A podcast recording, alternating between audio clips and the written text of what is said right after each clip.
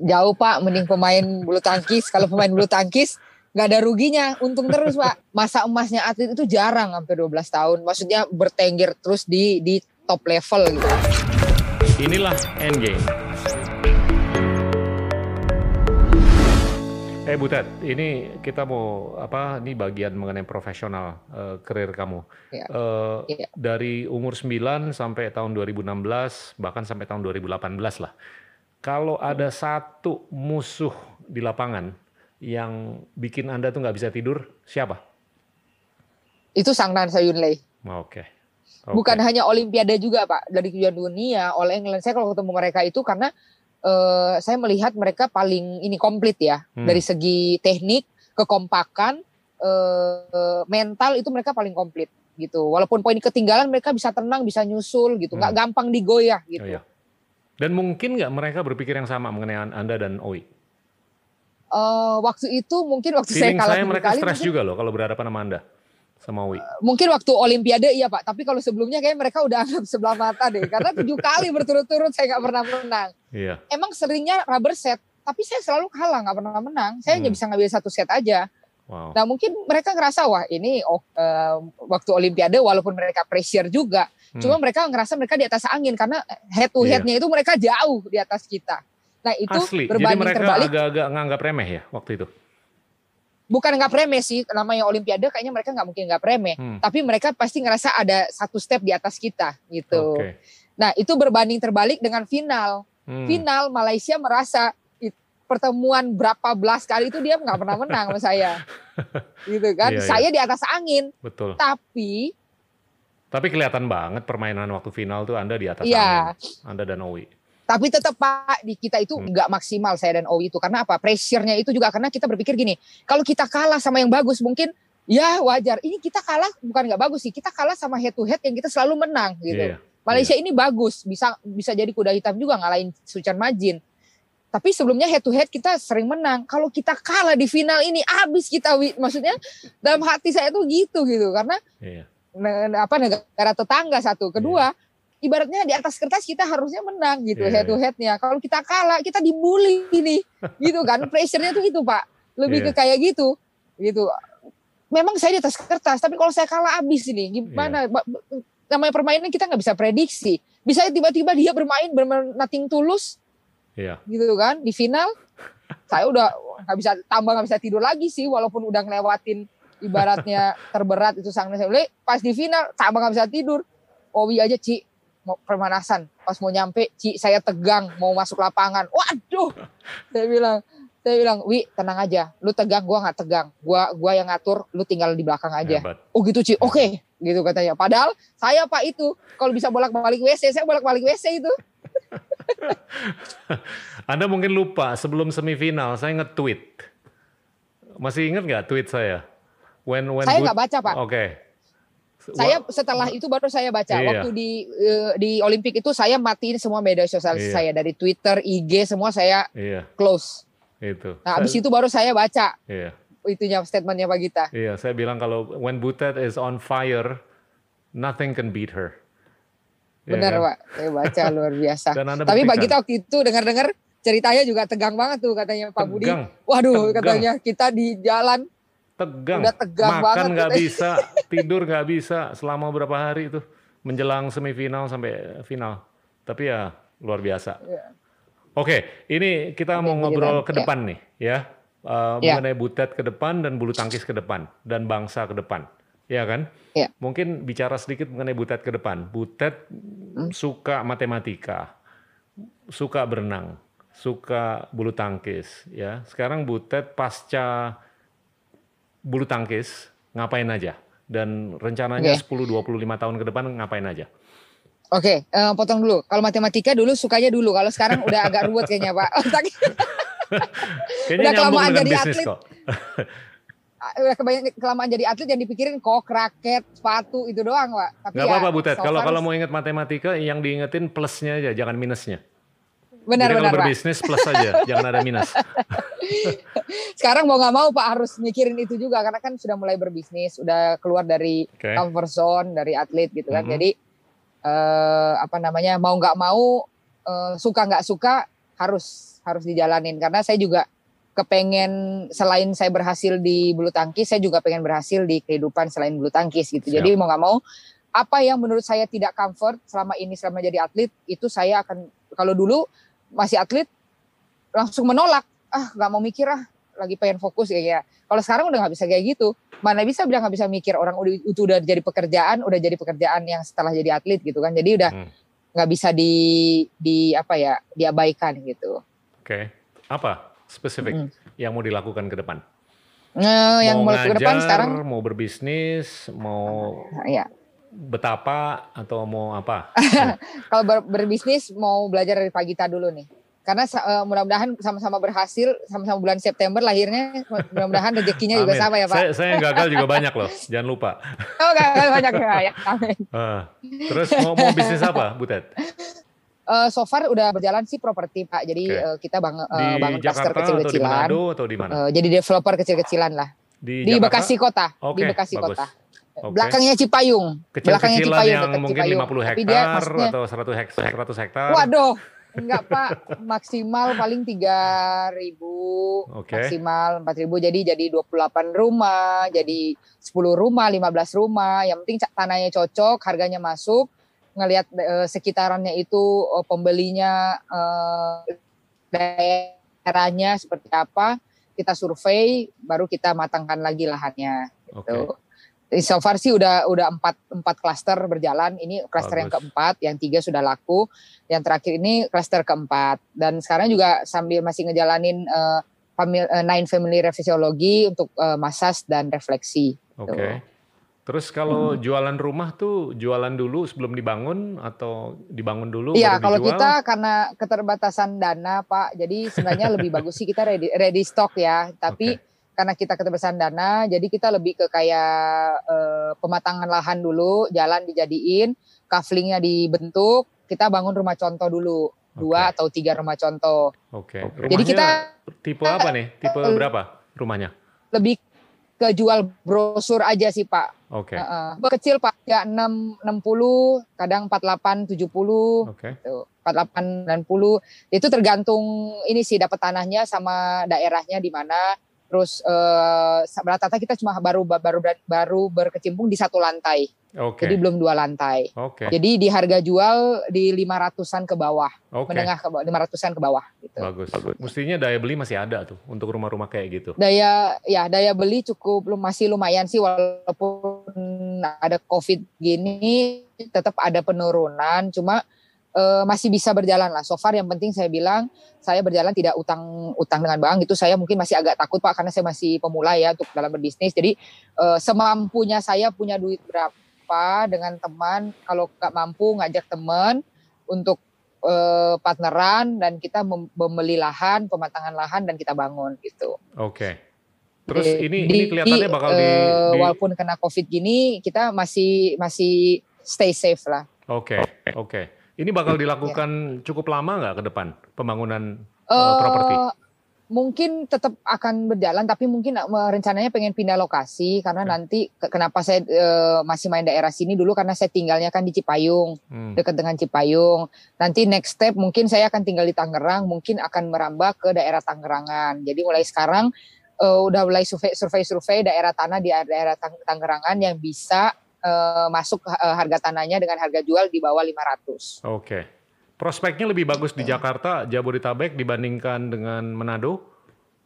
Ya karena eh, saya belum pernah mencoba sih di Manado, cuma kalau lihat dari jumlah penduduk jauh dibanding di Hmm. Jakarta dan animo untuk maksudnya masyarakatnya eh, butuh rumah dan sebagainya itu Jakarta Jabodetabek itu masih lebih jauh di mana-mana karena kalau Manado selain penduduknya sedikit eh apa ya orang banyakannya tanah tanah-tanah peninggalan orang tua Ya.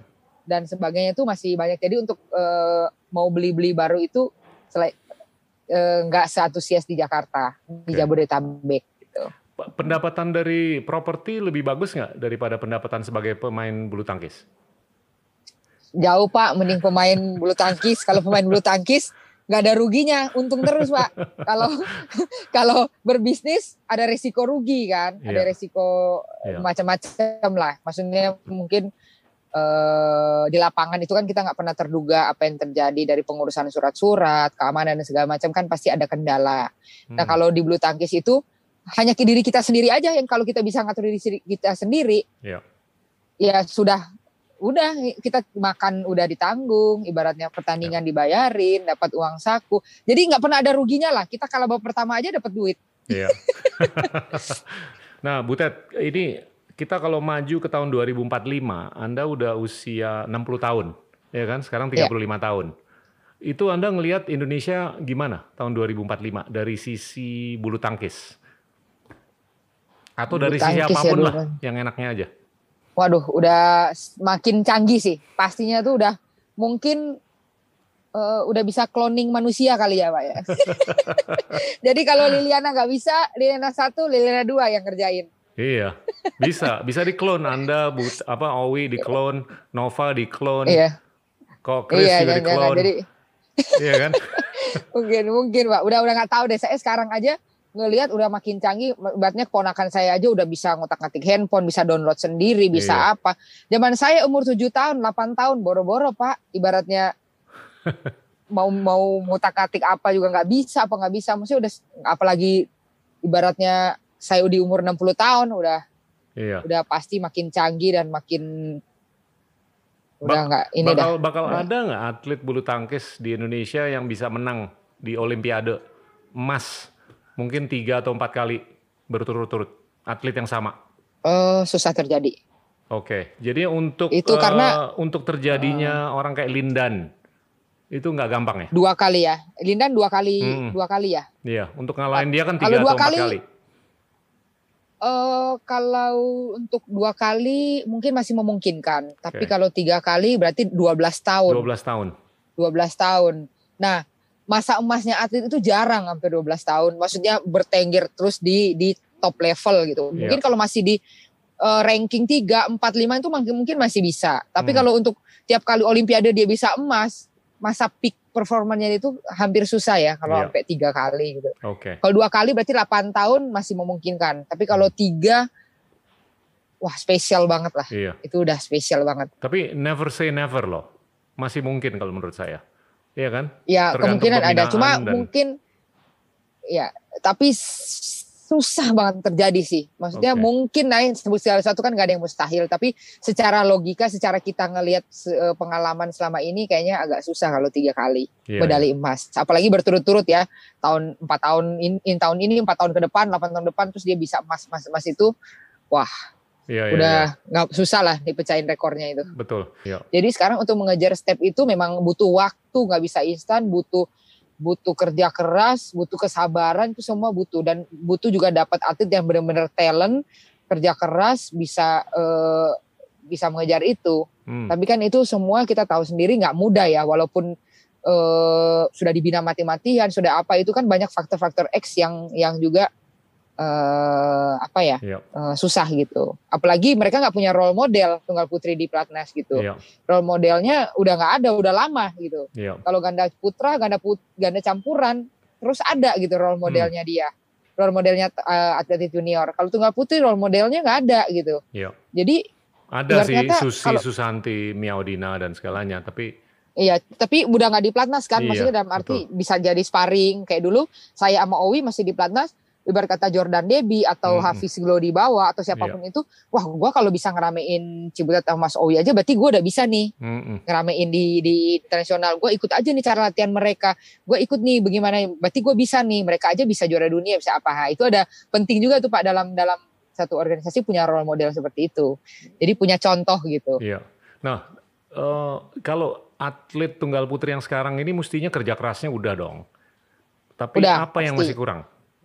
Apa ya kalau saya lihat mungkin eh tough ya kurang tough ya Oke. maksudnya kurang Fighting spiritnya ya. apa sih fighting spirit itu kurang lebih lagi mungkin Hmm. sudah ada tapi harus lebih lagi karena Hmm. apa posisinya kan mengejar Iya. bukan mempertahankan mengejar itu kan lebih ya maksudnya kalau kita mengejar itu kita harus ekstra benar-benar Iya, kan iya. ibarat kata orang menurut orang lu udah semangat nih tapi harus harus lebih lagi gitu Iya. Dari segi latihan dari segi semuanya itu harus Iya, se se seperti Anda lah, Owi, Susi, Mia, dan saya nggak lupa tuh omongannya Rudi, Rudi Hartono. Kalau musuhnya jam 5 pagi bangun, saya bangun jam 4 pagi. Betul. Iya kan? Nah itu apa watak atau kebiasaan kayak begitu tuh harus di apa ya? Di di dikedepankan. Tanamkan Iya ya. Itu pun kita lebih lebih itu juga betul belum, belum menjamin kita bisa juara gitu. Orang lain Betul. latihan jam 5, kita latihan jam 4 itu pun belum bisa Iya. pasti oh kalau lu latihan lebih dulu lu udah pasti juara olimpiade juara ini itu pun belum pasti banyak juga Hmm. yang gagal kan Iya. Apa apalagi, apalagi saya sering mm, apalagi yang bisa Mm-mm. dilakukan untuk melembagakan kaderisasi yang yang bagus gitu, yang keren untuk bulu tangkis Oh. secara umum. Tadi udah kan Apa kerja ya? keras, terus fisik, keberuntungan, tapi supaya apa melembaga gitu loh. Kan mungkin klub-klub apa udah ya sangat berperan. eh, ya mungkin eh, standarisasi pelatih mungkin juga harus lebih difokuskan juga ya maksudnya dari klub dari klub eh, hingga ke pelatnas mungkin kalau pelatnas mungkin udah nggak diragukan ya walaupun mungkin ada ada beberapa satu dua gitu mungkin yang standarisasinya juga belum terlalu mumpuni gitu Hmm. kan jadi harus lebih dari klub juga memang harus harus juga udah eh, standarisasi pelatihnya udah mumpuni karena apa jatuh ke pla- eh, waktu di disaring ke pelatnas mereka tuh udah udah udah ready bukan baru mau dibuat lagi gitu itu butuh waktu Hmm. lagi itu Iya. harusnya dari klub itu si A ini sudah udah udah udah sesuai dengan standarisasi gitu masuk Iya. ke pelatnas nggak butuh waktu lama tapi kalau dia tidak sesuai standar di pelatnas harus diolah lagi nah itu yang butuh waktu lama Hmm, gitu hmm. dan Oke. mungkin apa ya kekompakan tim dari pengurus dari pelatih atlet semua juga harus harus bagus sih kalau Ya. saya bilang jadi sesuai porsi masing-masing gitu dari mungkin dari ketuanya dari wakil ketuanya dari kabit bimpresnya dari direkturnya turun semua ke pelatih fisik ke ke ahli gizi ke dokter ke semua itu harus punya kerja yang juga luar biasa untuk mendukung eh, satu organisasi bisa lebih maksimal lagi gitu Ya. menurut saya. Oke, ini eh, Anda kan mungkin perkecualian ya, dalam arti kata Anda sukses di olahraga, terus pasca olahraga Anda kelihatannya oke-oke juga nih, berbisnis. Dan, juga. Iya kan? Gimana Amin. supaya Anda bisa menjadi role model juga untuk atlet-atlet lain? Karena Ya. menurut saya secara apa ya, secara struktural program untuk menyiapkan atlet di periode atau era pasca atlet itu agak kurang, iya kan? Nah, gimana Ya. supaya seluruh atlet bukan hanya di cabang olahraga bulu tangkis saja, tapi di angkat besi kayak panahan kayak apa pun lah, Hmm. itu bisa menyiapkan diri untuk life after sports. Nah, kalau dari saya sih pengalaman saya bahwa eh, saya melihat contoh-contoh ya, mungkin dulu banyak pemain-pemain senior kita yang yang berhasil, Siap. yang punya punya titel yang luar biasa, tapi karena tidak bisa mengelola eh, eh, uangnya dengan benar, akhirnya setelah main itu nothing gitu. Nanti dalam Hmm. arti harusnya di standarnya prestasi dia harusnya dia udah udah udah mapan lah gitu. Eh, Yang saya lihat dengan mata kepala saya sendiri kok malah malah eh, tidak punya apa-apa gitu dan arti masih masih masih masih susah gitu. Betul. Jadi jadi itu jadi contoh juga buat saya selain dari keluarga dari orang tua saya yang mau support, mama yang selalu ingetin kalau punya duit jangan dipegang lama-lama langsung investasikan. Beli ruko, Bagus. beli rumah, beli tanah, Berlian, depo- emas, perak. eh, emas, emas, eh, ku, apa eh, mata asing, uang mata asing atau Ya. eh, depositoin kalau yang benar-benar belum ada yang bisa dipilih gitu. Hmm. Jadi jangan sampai masa muda kita memang eh, untuk menahan itu agak susah. Saya jujur juga sempat sempat juga pengen ganti mobil, abis itu pengen ganti mobil lagi, pengen Jangan. ini, pengen itu. Eh, sempat waktu di umur saya masih Iya. belasan itu udah udah udah ibaratnya udah prestasi, pasti kan di era-era itu lagi seneng-senengnya mobil diceperin, soundnya diganti dan segala macam lah ganti-ganti, pengen ini, pengen itu. Tapi karena karena dorongan orang tua juga nasihat orang tua dan melihat contoh-contoh yang ada seperti itu saya juga berpikir saya juga nggak mau setelah masa Liliana Natsir peraih emas Olimpiade dan dunia All England setelah habis masanya dia setelah pensiun ternyata hidupnya seperti ini Hmm. saya nggak mau gitu Betul. ngenes banget rasanya gitu dulu kebanggaan bangsa ibaratnya bawa bendera merah putih dielu-elukan siapa yang nggak tahu fans semua Indonesia bangga dengan kita setelah kita berhenti kita bukan siapa-siapa uh, bukan siapa, bukan siapa-siapa udah pasti tapi uh, hidup kita itu jauh dari dari kata yeah. layak gitu kan saya Betul. juga mikir wah saya nggak mau seperti itu hmm. gitu jadi dari saya udah mulai dapat duit saya simpan saya investasikan ke rumah ke mob, uh, ke ke tanah ke ruko gitu sampai setelah saya berhenti saya baru ngerasain ternyata apa yang saya selama ini ibaratnya uh, investasikan itu membuat setelah saya pensiun itu saya lebih tenang gitu. Amin. Dan berarti Amin. bukan bukan terus saya berhidup-hidup mewah bukan tapi saya uh, bisa layak iya. bisa layak bisa bisa hidup dengan dengan dengan menikmati lah dengan dinikmati gitu dan berarti bukan yang saya harus oh harus harus waduh saya nggak punya pegang apa-apa nih gitu karena yeah. saya udah investasikan saya tabung bonus dari pemerintah, dari PBSI gitu. Uh, dari Pagita saya semua saya saya simpan, saya kumpul, saya jadiin uh, investasi berupa tanah dan lain-lain. Jadi sekarang tinggal ya kalau mau terjelek kata gitu saya uh, uh, butuh, saya punya aset untuk bisa saya jual. Ini ini bagus banget loh Butet, Betul. karena kalau menurut ya. saya manfaatnya nih banyak. Kalau Anda bisa lebih sering ngomong kayak begini untuk iya. teman-teman ya. kita atlet lainnya ya kan? Ya. Uh, saya saya juga perhatiin kemarin-kemarin tuh banyak atlet sekarang pun masih banyak atlet yang sifatnya tuh lebih konsumtif, ya kan? Benar. Kalau dapat berkah dia konsumsi dibandingkan hura-hura lah ya. Betul. Hura-hura ya, konsumtif lah, nggak usah hura-hura. Iya, Dibanding Anda dan beberapa atlet lainnya yang sukses, begitu ya. dia dapat apa pun lah di sakunya itu diinvestasikan untuk sesuatu yang bertambah nilainya.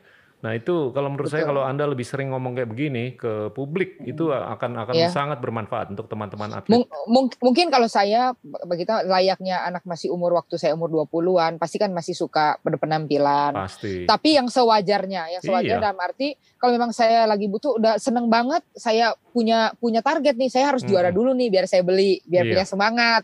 Betul. Gitu kan, let's say pengen beli dompet, pengen beli tas, pengen beli sepatu ah gue harus juara nih dapat sekian oh saya beli ini oke okay lah worth yeah. it untuk untuk semangat saya untuk yeah. untuk apa ya untuk award award buat diri sendiri gitu yeah. tapi yang wajar bukan yang wah karena gue dapat uh, hadiah uh, bonus olimpiade 5 miliar gue habisin ah ulang liburan sana kami sini sini Betul. enggak gitu jadi saya udah alokasikan untuk keluarga untuk investasi Bagus. jadi untuk diri sendiri award untuk sendiri gitu jadi pada saat saya berhenti ini manfaatnya luar biasa jadi yeah uh, orang kalau biasa pensiun kelihatan kayaknya wah lu kayaknya ini orang kalau ketemu Ted lu kayaknya udah setahun ini lu enjoy enjoy aja hidup lu kan ya.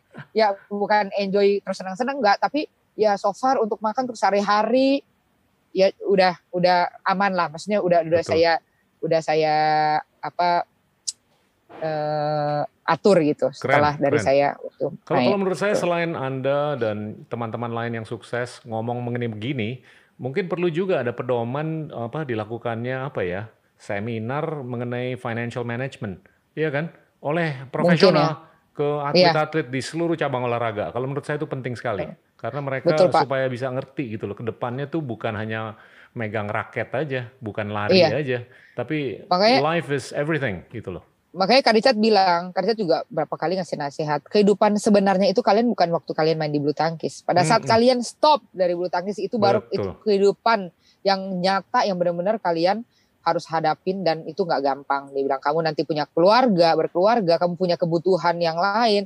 Sekarang kamu masih atlet, masih dapat dari uang hadiah, dari uang ini, dua orang itu, kamu nggak berasa. Setelah kamu sudah berhenti, dan itu saya ngerasain, walaupun saya udah mempersiapkan matang-matang sebelum berhenti, tetap perubahan itu ada Betul. Yang kata M banking biasanya biru tuh Pak, sekarang merah semua. biasanya, Karena baju Anda merah. Biasanya kredit ya kan Pak. Eh, debit apa kredit tuh? Jadi yeah. kredit terus jadi debit.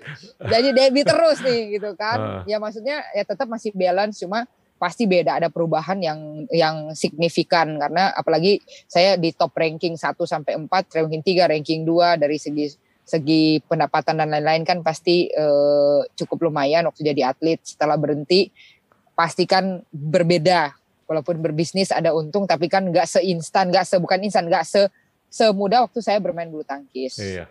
gitu Butet kita udah jalan dari tahun 85 ke 97 ke 2002 2004 ya. 2008, 2012, 2013, 2016, terus Anda pensiun di tahun 2018. 19. Anda, 19, oke. 19 Terus awal. udah jalan satu tahun lebih lah pensiun Iya. kan. Kita udah ngomong juga mengenai potensi Indonesia di tahun 2045 sewaktu Anda usia 60 tahun, ya kan? Iya. Di usia 60 tahun Anda rencananya mau tinggal di mana? Di London, di Melbourne, di Tomohon, Manado, Sebenarnya Kawan-kawan sebenarnya atau Jakarta? sebenarnya saya pengen banget di ibaratnya di umur maksimal 50 lah ya. Maksimal 50 saya sudah mapan banget. Jadi ibarat kata kalau kasar kata orang ngomong bukan Relatif. kita Sekarang yang udah bukan mapan banget Anda. bukan kita bukan kita yang nyari duit ibaratnya Siap. Pak. Du- Duit yang nyari kita gitu. Jadi Siap. di umur itu saya udah bukan harus ma- apa eh, warawiri ke sana kemari harus apa. Jadi semua udah tersistem dengan baik. Jadi saya hanya bisa hanya ngontrol aja dari rumah dan ibarat kata cukup cukup beli mobil ada, cukup beli rumah ada, cukup beli helikopter ada, Semua cukup. Oke. Beli apa lagi? Eh, cukup beli pesawat pribadi ada, cukup beli pulau ada. Kebetulan saya seneng banget pantai. Jadi kepengen tuh kayak punya Oh nanti pulau. nanti kita ngobrol mengenai pantai. Tenang aja. Ya, Nah, punya terus? pulau. Oh, saya kirain Pak Gita mau kasih saya pantai, mau mau pulau Pasir, pasir ada saya. pasir. Jadi punya pulau gitu, punya ya sendiri untuk untuk ini untuk pengennya sih udah kayak relax, relax life gitu, pengen udah santai, ibaratnya udah tinggal manage semuanya secara ini ya, secara bukan yang harus ke sana kemari yang Iya. cuma by by check by ini aja apa namanya internet gitu. Asik. Kayaknya kayaknya bakal bakal kejadian nih karena Anda kalau udah nge-set target itu biasanya tercapai. Dan dan Amin, Anda tuh amin. mind over body kan. Jadi otak atau pemikiran Anda tuh yang nge-set apa pun yang dilakukan sehari-hari gitu loh. Amin, amin. Nah, Karena eh, karena beberapa kali lihat hmm. contoh sih mungkin eh, di umur 50 atau 6 atau 60 masih masih yang kayaknya jauh dari layak, masih di jalan morat-marit panas-panas udah ibaratnya udah berusaha masih segitu-gitu aja. Saya Iya. berkaca saya ngelihat saya juga kepengennya eh, kepengennya eh, di umur 50 saya udah menikmati lah, Iya, udah iya. lebih menikmati gitu. udah udah berkenan lah. Sekarang aja udah, Udah berkenan, berkenan. maksudnya lebih berkenan. Amin, amin. Oke, Bu Ted, ini ini keren Iya. banget nih diskusinya. Kaya Iya. banget mengenai apa eh, pola hidup Anda, terus pola kerja Anda dan juga ada beberapa prinsip juga yang Anda udah tuangkan. Apakah itu dalam konteks bulu tangkis ataupun eh, hal-hal lain yang Anda lakukan selama ini. Siap. Saya mau akhiri sesi ini dengan Siap. beberapa pertanyaan ya rapid Oke, fire siap. question. Bisa dijawab Siap. beli atau jual. Ya. Oke, Konsepnya itu perlu dibeli atau perlu dijual, ya. oke. Ya. Yang pertama mungkin yang gampang dulu deh. Leaning. Apa, Leaning. Leaning. Beli atau jual? beli, beli. Boleh nggak saya ngomong Yonex? Beli atau jual? Eh kalau itu tergantung ya kalau Oke, next question. Next question. kalau disponsorin dan nilainya oke ya bisa beli juga gitu. Oke, yang berikutnya Ya. hidup tenang. Beli atau jual? Beli, Oke. Batu bara. Beli atau jual? jual, Oke, bagus. Karena itu penting untuk masa depan. Terus pendidikan. Beli atau jual? sorry, Pendidikan. Sorry? Pendidikan. Beli atau Oke. jual? Eh, beli, Konsumsi. Beli atau jual? konsumsi itu seperti apa pak maksudnya? Ya, bagus nggak untuk konsumtif? Dibandingin yang lainnya, yaitu investasi. Jual, Oke, setuju. Investasi. Beli atau jual? beli, Amin. Thank you banget, Amin. Butet. siap, Thank you Siap, dan sukses ya. Ini waktunya sangat berharga Amin. untuk saya, mudah-mudahan untuk Anda juga. amin, Dan kita Amin. akan akan coba eh, pancarkan ini ke ke masyarakat luas agar mereka bisa Amin. belajar banyak dari Anda. amin. Oke. Terima kasih Pak Gita, Thank semoga you. sukses juga, sehat Thank you. selalu. Thank you Butet. Teman-teman, itulah eh, Liliana Natsir, Butet atau atlet yang sukses banget tapi sudah menjalankan hidup yang beda eh, semenjak eh, beliau eh, pensiun di tahun 2019. Terima kasih banyak. Inilah Endgame.